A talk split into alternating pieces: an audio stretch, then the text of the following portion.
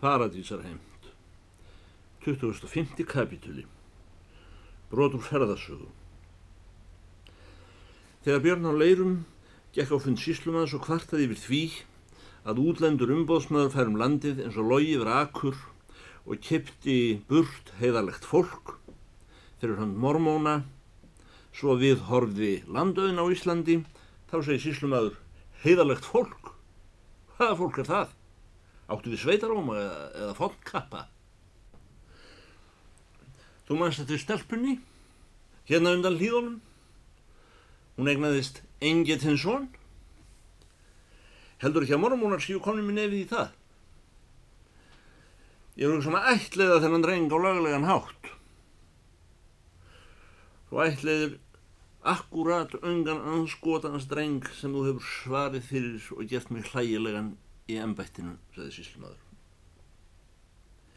Því lífurðu, ég sór aldrei fyrir þennan dreng, sagði Björn á leirum. Aftur á móti gati ég ekki gert að því, þó móðir hans heldur því fram að hann veri eingetinn. Já, það er bent á mig sem fíbl, sagði síslumadurinn, að því ég sendu ykkur ekki alla í tukthúsi þar sem þið eigið heima. Taktu málið upp afturlátt eins og ekkert síðan umbóðsmaðurinn. Ég heimta kyrsetningu á hlýðafólkinu meðan verður að rannsaka málið. Hefur þú hugsað út í hvaða greiði það er við skattbendur að halda sveitrámum eftir með laga úrskurði, sagði síslumadurinn. Ég veit um trefsnefndir sem takka Guði fyrir að mega borga undir sveitrámaga til Ameríku. Þá tek ég til minnar á það, sagði Björn og Leirum.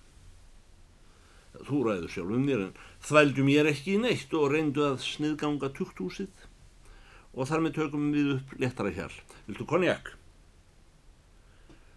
Hvað áttu við, spurði Björn og Leirum. Nafla Jónsvatn, sagði síslumöðurinn. Og svo ég viki að einhverju sem verður að eigða að orðum. Okkur stendur til bóða trollar í Englandi. Stór skiplagsmaður. Það gengur fyrir guðuvél. Það veiðir á einni verktíðins mikið og allir sjómenn í 50 verstaðum á Íslandi. Á þess konar skipi liggja menn nú ekki aldeilis upp í loft og lesa um fóttkappa meðan þeirra býð eftir geftum. Eftir fá einn ár eru skútur og skonnortur orðnar til allhægis á almannafæri og engin veit hvað róðrarbátur er. Það vantar ekki nema herslumunna félagið okkar sér stopnað fyrir sunnan. Ef karlgildir menn eins og þú leggja fram 500 hundraða jörðum eða svo til viðbútar við reyðu fjö þá er útlendingur búin að ábyrgjast okkur bankalán. Eftir árið erum við harnir að auðsa gullin og sjónum. Björn og leirum hvart yfir því að nú væri farin að fara úr sér vindurinn og bringsmala skott að færa upp á sig á nóttunni saðan. Það líður og taumur og einum fyrir mér er. Aug þess kann ég ekki á stór forrétningar. Einna helst að ég kunna að taka við gínefum, hvítum í skor, ef skotar rétta þar að mér fyrir stóð eða fyrir fæti. Eins og þú veist, held hann áfram, hefur það eitthvað verið mín hugssjón að endur reysa gull á Íslandi. Það hafi verið einhverjar sælustu stundir æfi minnar að telja ósvikna peninga í hendur, böndum og sjá brúnin á þeim hækka. Fæstir þeirra manna sem ég skipti við þekktu á mynd. Sumir hafa sagt við mig að þeir hefðu haldið að gull væri ekki til þeim í rýmum. Einn maður sagði við mig að gull nútímas væri allt svikið, ósviknu gulli sem til var í heiminum því var öllu sagt til bossi án í rín á dögum eddu, saði hann. Við svona menn kann ég að skipta en ekki þá stóru fyrir sunnan og því síður útlenda bankastjóra. Síslumöðu bauðist til að lána honum enskar töflur um gróða á trollurum en björnuna á leirum sagði þurra orðin sjóndöfur að lesa úr tölum og sljóri hausnum að reikna. Síslumadur tók fram töflurnar samt og las umbóðsmanninum nokkrar tölur og lagði út af þeim. Já, það eru englendingar, saði Björn og það er munur á Jóni og sér á Jóni. Ekki kann ég að líta eftir mínum peningum eftir að þeir eru komin í trollara. Trollarar og síslumöðurinn. Fiskurinn er nú einu sinni ekki gáðan en það að hann fer í vörpun á þess að spyrja hvort asni eins og Björn og Leirum eigi þessa vörpu eða þeir í Englandi. Ég skil ekki til hvers útlendingar eiga að auðsa upp öllum fiski á Íslandsmiðum. En við sjálfur að líka í landi og lesa kappasögur og býða eftir góð viðri. Eða hvernig framfæramæður eins og þú getur ennst til að flá þessa kottkalla sem hér býða inn í króaður af strömmvötnum og sjáarsöndum. Ég segi fyrir mig og mína persónu, mig hryllir við sjálfum mér að vera kallaður yfirvaldi yfir þessu. Það er jafn hlægilegt að framkvæma réttlæði til á fátækum mönnum eins og að fláða á. Nú skulum við tveir, þú og ég, við skulum fara til og draga bust úr nefi á einlendingum. Það varð úr að báðir fóru að rekna.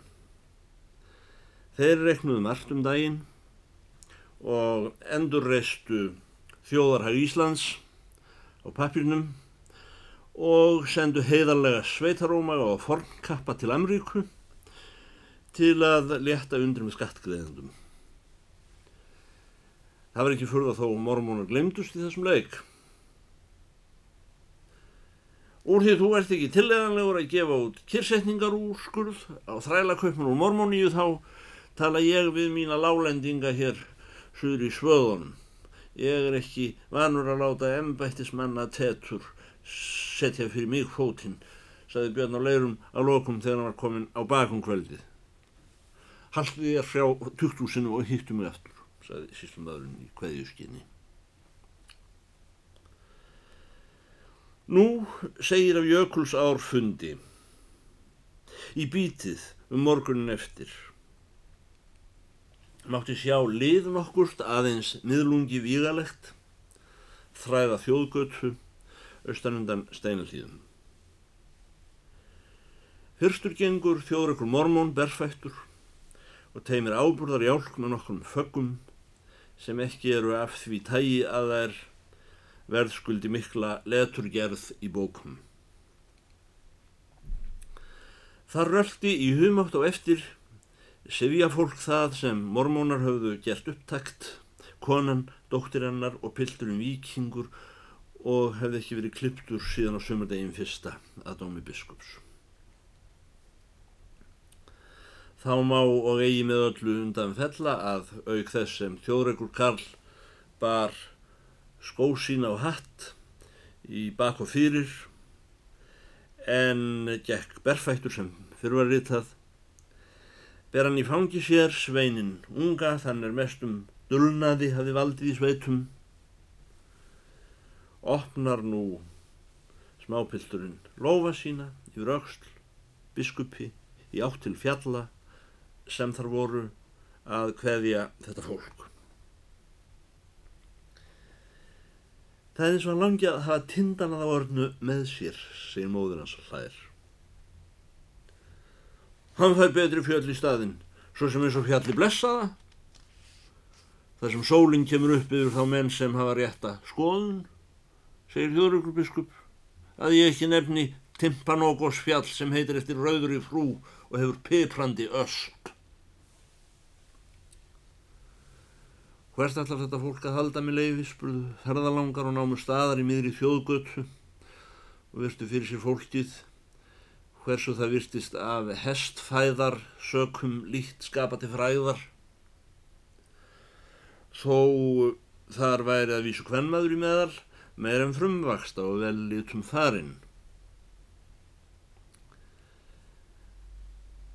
Hafið þú verið sendur að spyrja drengur minn, sagði þjóðrökur biskup þá erum við á leiðinni til paradísar á jörðu sem vondir menn týndu en góðir menn fundu aftur. Ferjubondin og kona hans gáfi ferðamönnum skýr og síðan rómakaffi þar ofan í sem þau sögðu að veri hold. Þau sögðu þessi tíðindi Hér voru menn á sveim í morgun, sumir hverjir öngver veifiskatar og ríðandi eftir því. Svoleiðis menn eru nú ekki aldeilis að byggja um ferju þó þeir komi að jökulfljótum. En það voru ófúum fötinn og fóringja þeirra. Var það mjög um þá, segir þjóðrökkur biskup. Ekki nema ef þið skildu það ætlaði að finna ykkur. Voru þeir kannski hugsa um að berja mig, sagði biskupin. Ekki veit ég það, sagði ferjubóndin, en heimil eru ykkur húsinn þanga til nástefri síslumannin. Sjaldan hlæg ég eins hátt og þegar ég heyri nefnda síslumenn, sagði þjóðrökkur biskup, en hlóð þó ekki því hann hefði ekki fengið þeirra listar. Þegar fólki kom niður að ferjunni sá það ríðandi menn á sandinum fyrir handan ána. Þeir virtust vera býða og gáfu gaum að ferðum þjóðreks og liðshans. Einn maður bráð þar sjónauka fyrir auga. Kona ferjumannsins kallaði stúlkun á eintal umleiðum hvati hana í túnjaðarinnum. Þú sérðan stendur þarna með kíkin, reyðu búin að grípa krakkan þegar þið takir land á bakkanum hinnum megin, sagði hún. Manstu hvað ég sagði þér í hitti fyrra? Láta helvítis kallin borga. Ekki skilji honum eftir krakkan nema fyrir stór fjö út í hönd. Förum að öngu óslega, drengur minn, saði þjóðröglu biskupi ferjumannin. Hann settist kyrfilega niður í grasið og fór í stígvilin sín. Síðan setti hann upp hattin eins og hann kom fyrir vafin í skænið gagnsæja. Þeir báru þar næst föggur og áreiði af trúsahesti sínum út í bátinn. Letu klárin senda lausan yfir. Ekki höfðu þau fyrir ítt bátnum og flott, en fyrirsátsmenn hinum einn stemdu hestum sínum fram á ferjubakkan öndvert. Nokkrir fóru af baki, aðrir býðu á hestum. Þeir hendu á milli sín kuldalegum gamanirðum og hlóðu stórhlátrum. Vopn voru ekki sjáanlegi för þeirra. Aftur á móti hafði Björn á leirum náði stígvílinn sín og stóð í þeim á vassbakkanum. Hann var að reyna að stilla kíkinn en það vildi ekki hestur hans heldur kipti stöðugt í tauminn á móti umbóðsmanninum traði jörðina og tugði í járnmjölinn frísaði og reyndi að nutta fram af sér ímist á fótum sjálf sín eða auksl húsbúnda síns. Þegar sínt var að þjóðreikur biskup var rækin í því að leggja í ána. Skipar ferjumæður um farþegum sínum niður í bátstútinn, seður kvennmennina aftur í, en drengin á þóttuna við hlið sér lætur biskup sittja fram í. Hjaldan á barninu vöfðu í brekán og var drengurinn sopnaður. Lægið í ánni var þannig að hún var grunn við heimaralandið en smá dýpkaði og varð áll með hörðum ströymi er nálgæðist hinnum einn. Það var síður ferjumanns að róa fyrst upp eftir áni þar sem var grunn og lign, láta síðan ströymin bera bátinn niður eftir og halda til með árinni meðan hann miðaði lendingu. Þjóðraukur biskup byður nú ferjumann stefna beint á mennina. E, því ég þarf að eiga við á orðastað, segir hann, áður við komum í álinn. Ferjumadur svarar og segir að ef við stefnum beint e, komum við þar í strengin sem hann tekur á sig krók út á miðja á og má vera að hann kast okkur til sama lands að nýju eða reykja okkur á sandbleitur. Er það sem má, saði biskupin. Ég vil eiga orðast að við þessa menn utan af ánni heldur en okkur reiki varnanlaus á land upp að fótum þeirra. Ég ábyrgist ekki þessa bát skell því hún hangir ekki saman af öðrum gamlum vana og getur líðast í sundur að brúðið er út af þeirri leið þar sem ég hef haldið henni í mannsaldur. saði ferjumadurinn. Hún þólir ekki ströymin á sig úr annari átt en hún er vöðan. Hvítu öngur, lagsi? Ég er biskupinn, saði þjóðreikur biskup. Nú heldur ferjumadur báknum í þá átt sem biskupinn tiltekur. Þegar þeir eru þar komnir sem ströymfallið eikst, segir þjóðreikur að ferjumadur skal stinga þið ári. Síðan kallar hann yfirum til mannanna á bakkanum. Eru það að býða eftir nokkru piltar góðir eða ölluðu þið að hafa að tala af okkur? Þetta er ofinbar ferjustafur, sagði Björn og Leirum, við erum að býða til ferju. Mér sínist ekki hæfa svo hestuðu mönnum að ætla að þyrpast onni þetta horn, segir biskupin, að hverju rýði þið ekki vaðið, eða þú? Umbósmaðurinn og Leirum var svarað og einhvern tíma hefur maður nú síðan aðeins, segir þjóðreikur biskup. Ég veit hvort þú ert, helt Björn og Leirum áfram, og því get ég frætti á því að við þurfum ekki að spyrja vittlöðsan mormóna hvernig við eigum að hafa ferðum okkar austur hér. Þjóðreikur biskup svarar, fyrst þú kallar mig vittlöðsan mormón, þá skora mínar skoðanir, þínar skoðanir á holm mun sannast hvor okkar hefur réttar í skoðanir af því hvor okkar hefur betur í lífinu um það er líkur. Nú fór heldurinn ekki að sjóða upp á björn og leirum. Ég á enga skoðanir sem betur fyrir fyrir en klukkan sjó kvöldin. Þá veit ég hvort heldur mig langar í buff eða saltkjött, kallaði hann og all heljarmennin á bakkanum hlóðu og verði ekki að drolla lengur út í miðri á að slæra barninu. Hvað skal þér þetta barn, saði mormónin. Ég er komin hinga til að sækja það. Ég ætla að taka það af mér, saði umbúrsmaðurinn. Hvor hefur gefið þér bref upp á það, spyr mormónin. Yfirvald landsins er á mínu bandi, saði Björn og Leirum. Ef þú átt við síslumennlagsi þá geta þeir í etið það sem út í frís, saði mormónin. Mitt brefi frá Kristjánu Vilhjálpsinni sjálfum. Þjóðregur byðist nú þessa ferjumanni að þeir láti berast niður eftir ánni og sæti að hafa strengin milli sín og þeirra heljarmenna sem stóðu á bakkanum. Björn stí á bak og menn hans og fylgdu bátnum á landi. Áinn breykkaði og dýpkaði með jafnri yðu og bæði löndin fjarlagðust. Báturinn hætti að kannast við sig í ánni eftir að hann barst af venjulegri leið sinni og fór nú að hrykta í honum nokkuð ískýtilega. Hvem fjókkið fekk svima.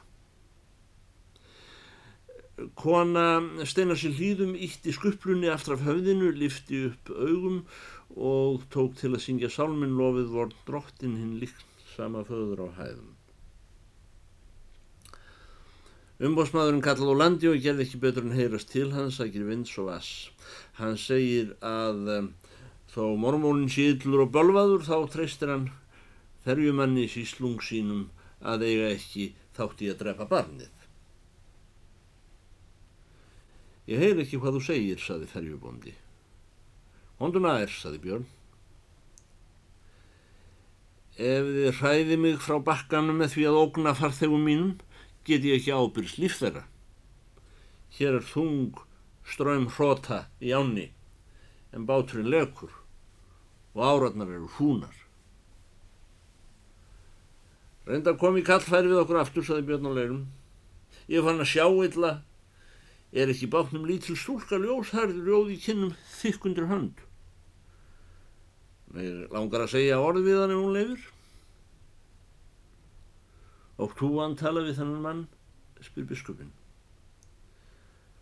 Stúlkan baðum að róið væri nær landinu þeim megin ef vera kynni að þessi maður ætti við hann erindi.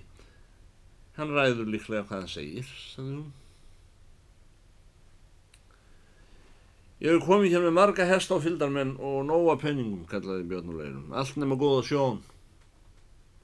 Viltu ríða með mér burt? Ég ætla að þanga sem ég fæði sjónina. Ég skal alveg strengin og hlúa á hann. Hann skal fá læringu sem hann getur tekið við. Ég skal gera hann að manni eins og best getur orðið á Íslandi.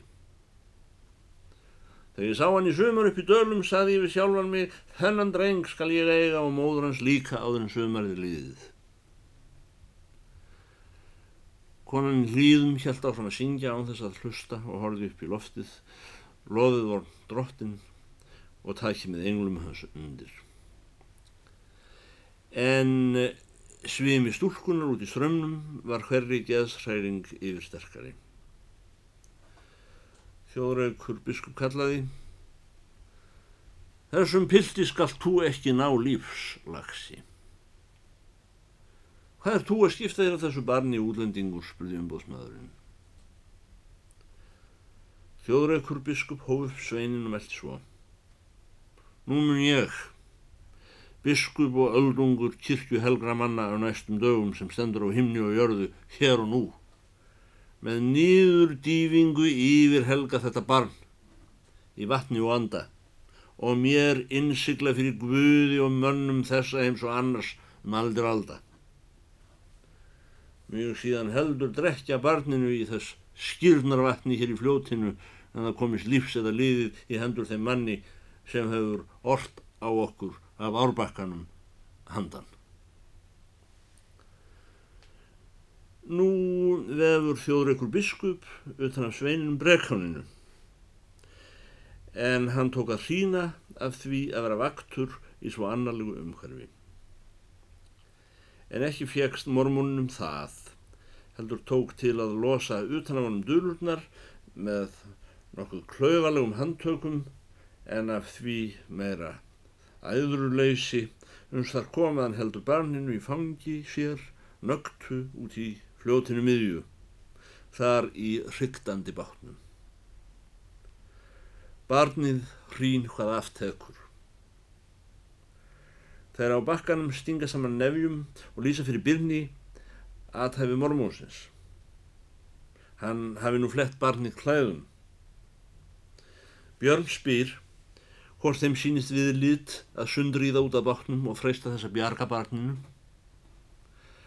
En svo tillega fer ekki býr, segja að áinn er hér með öllu óreið fyrir sandblöytum.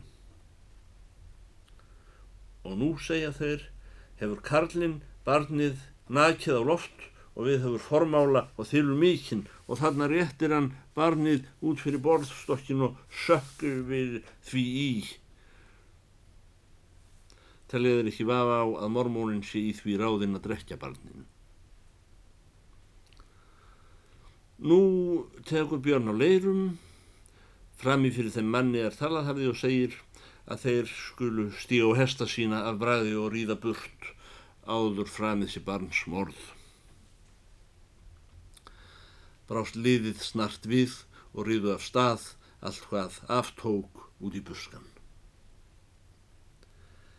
Meðan þessu fór fram og biskupinn er að dífa grátt skjálftu barninu nögtu jökulvatnið þá bregst móður þess við sem einat fyrr í þoranraunum lætur hvaðina yfir sig ganga sem verða vill en þegar þeim punkti nær þar sem orðin eru hægt að gilda flýgur að henni óminnis hegri Hún hallast að söngfullu brósti móður sinnar og veit ekki lengur til sín.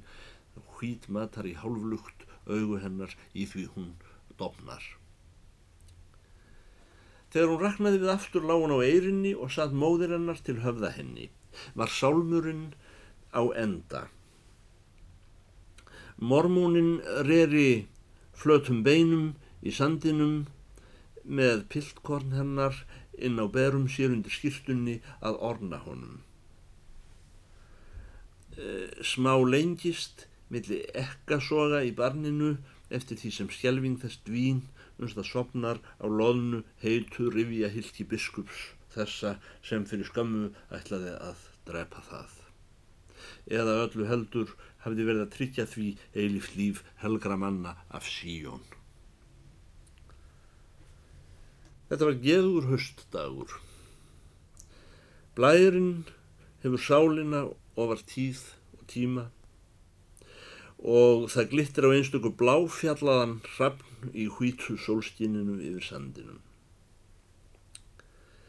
Biskup Þjóðraukur fór úr stígvílanum aftur og tók á hann hattin, hjúpaðan, til merkis um að serimóniu væri lokið í bíli en sólinn bætti það upp með því að skína nú einart fram úr skíum.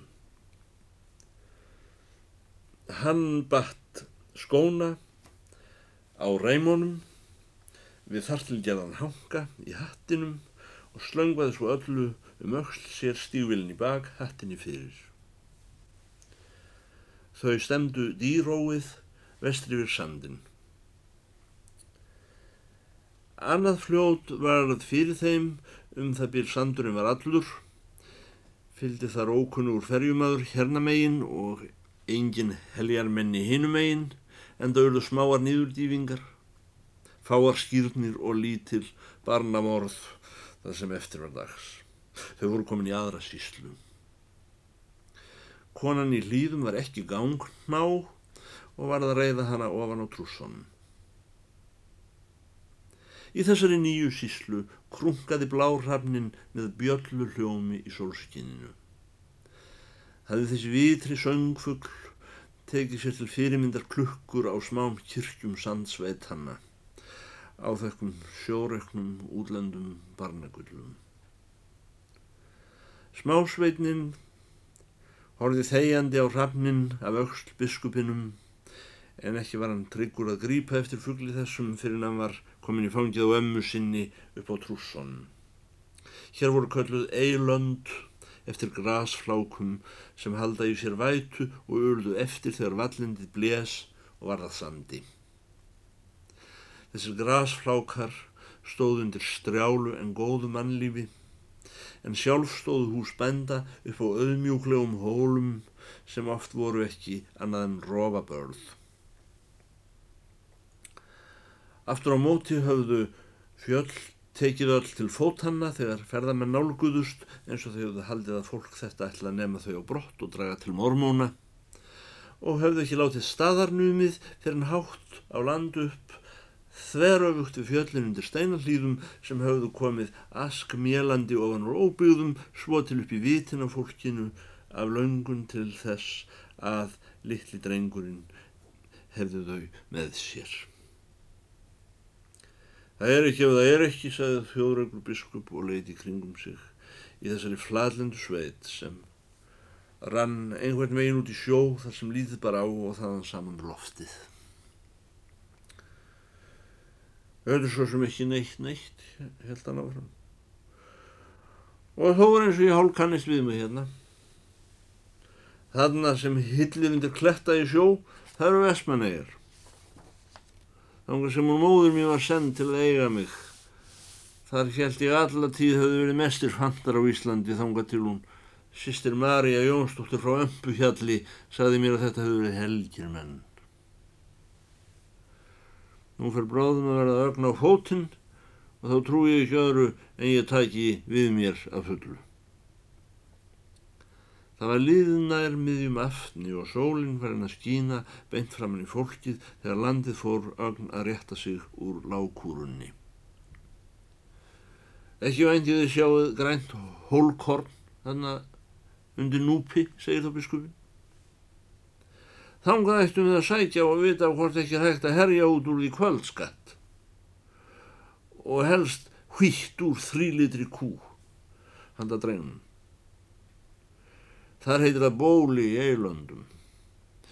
Ég kuðar að það nættaður og var þanga sendur af hrefsnemdinni að vinna fyrir mér þegar ég var fjóra vetra.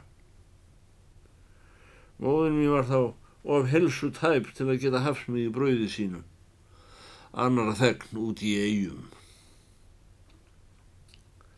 Þegar þau komu í hlaðað bóli í eilöndum, þar sem þau höfðu ætlað að fá mjölk úr þrý litri kú handa sveininum, og má vera fleira gott þá var þar því miður engin heima nema tvær hóf sólegar sem höfðu farið að vaksa undir höst í blökunni hjá bæjalæknum af því það er áttu vonu litlum dreng sem var að fara en eh, búið að rýfa bæinn fyrir rúmum 40 árum. Bæjarústinnar voru fyrir löngu grónar honni sjálfar sig.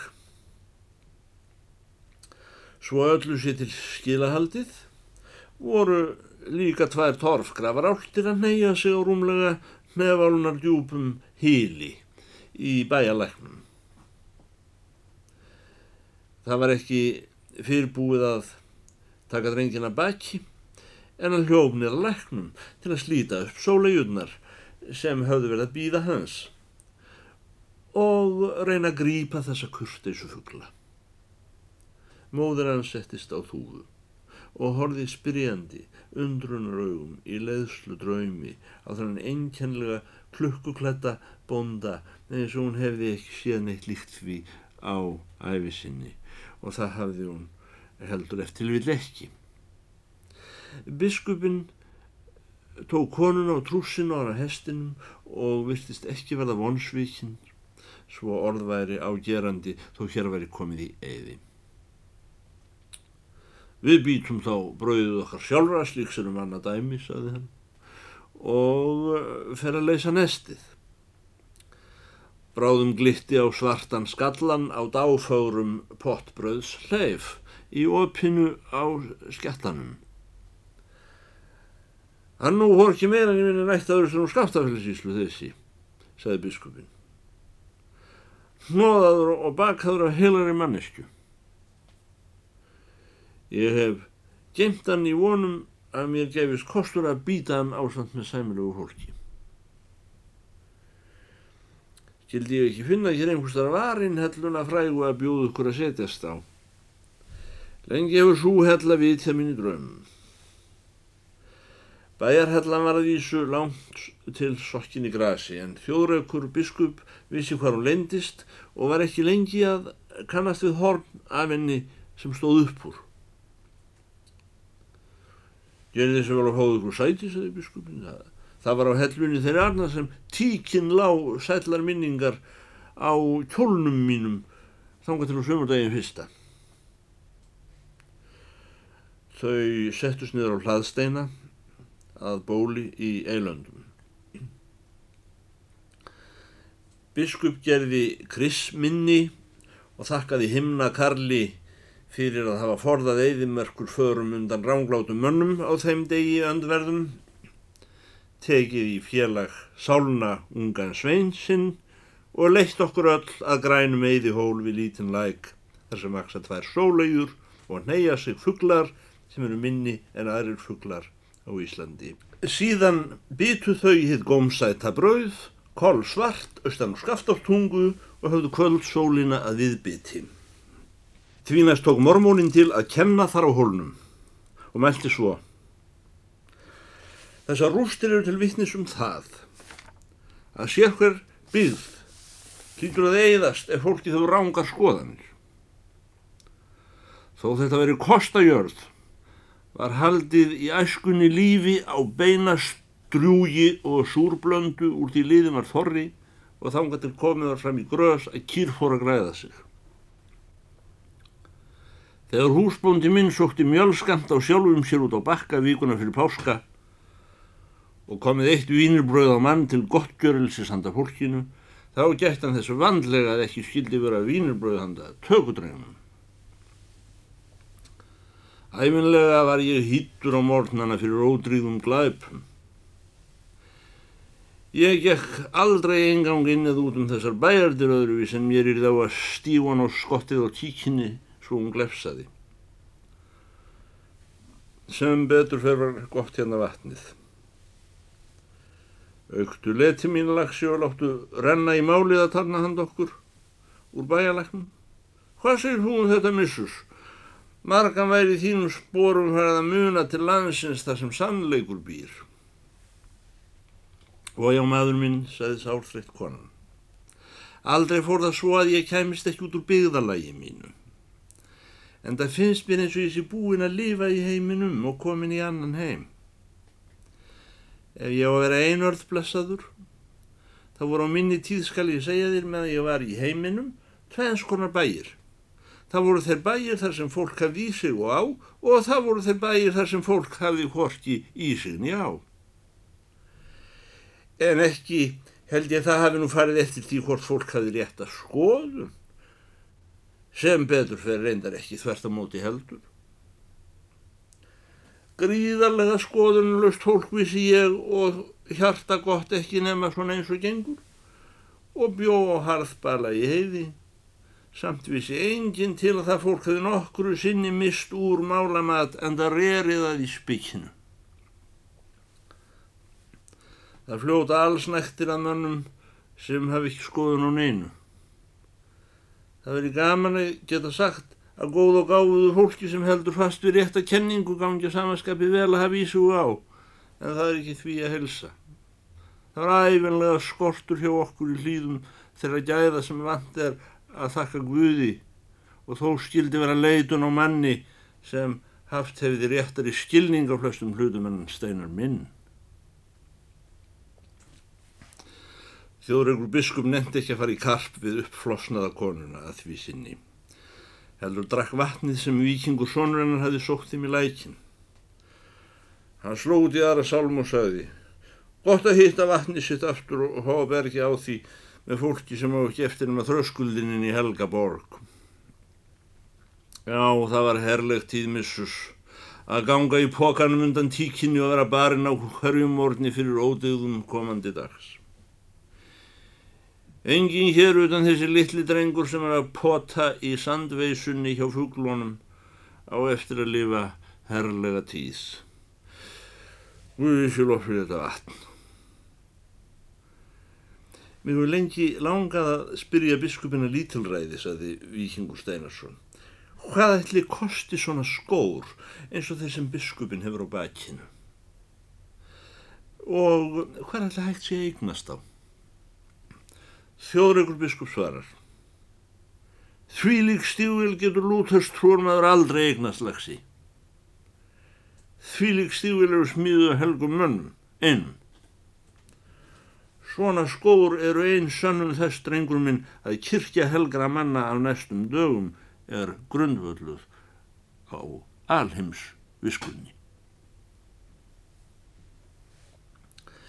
Ef lúterstrúarmenn eignast skó þá er þeim svo fyrir hverjaðara tilviljun. Þeir kunna að missa þá að ári og fá síðan aldrei skó. Yes sir, no sir. Ekki einu sinni hundraðasti hurmaður á Íslandi getur eignast stígvél. Þessi skór hafa orðið mér sterkari rauksemd í deilu með lúterstrúar menn heldur en tilvittnanir í spámenn. Á þessum stígvélum mætti klifra langleiðina upp í túnlið.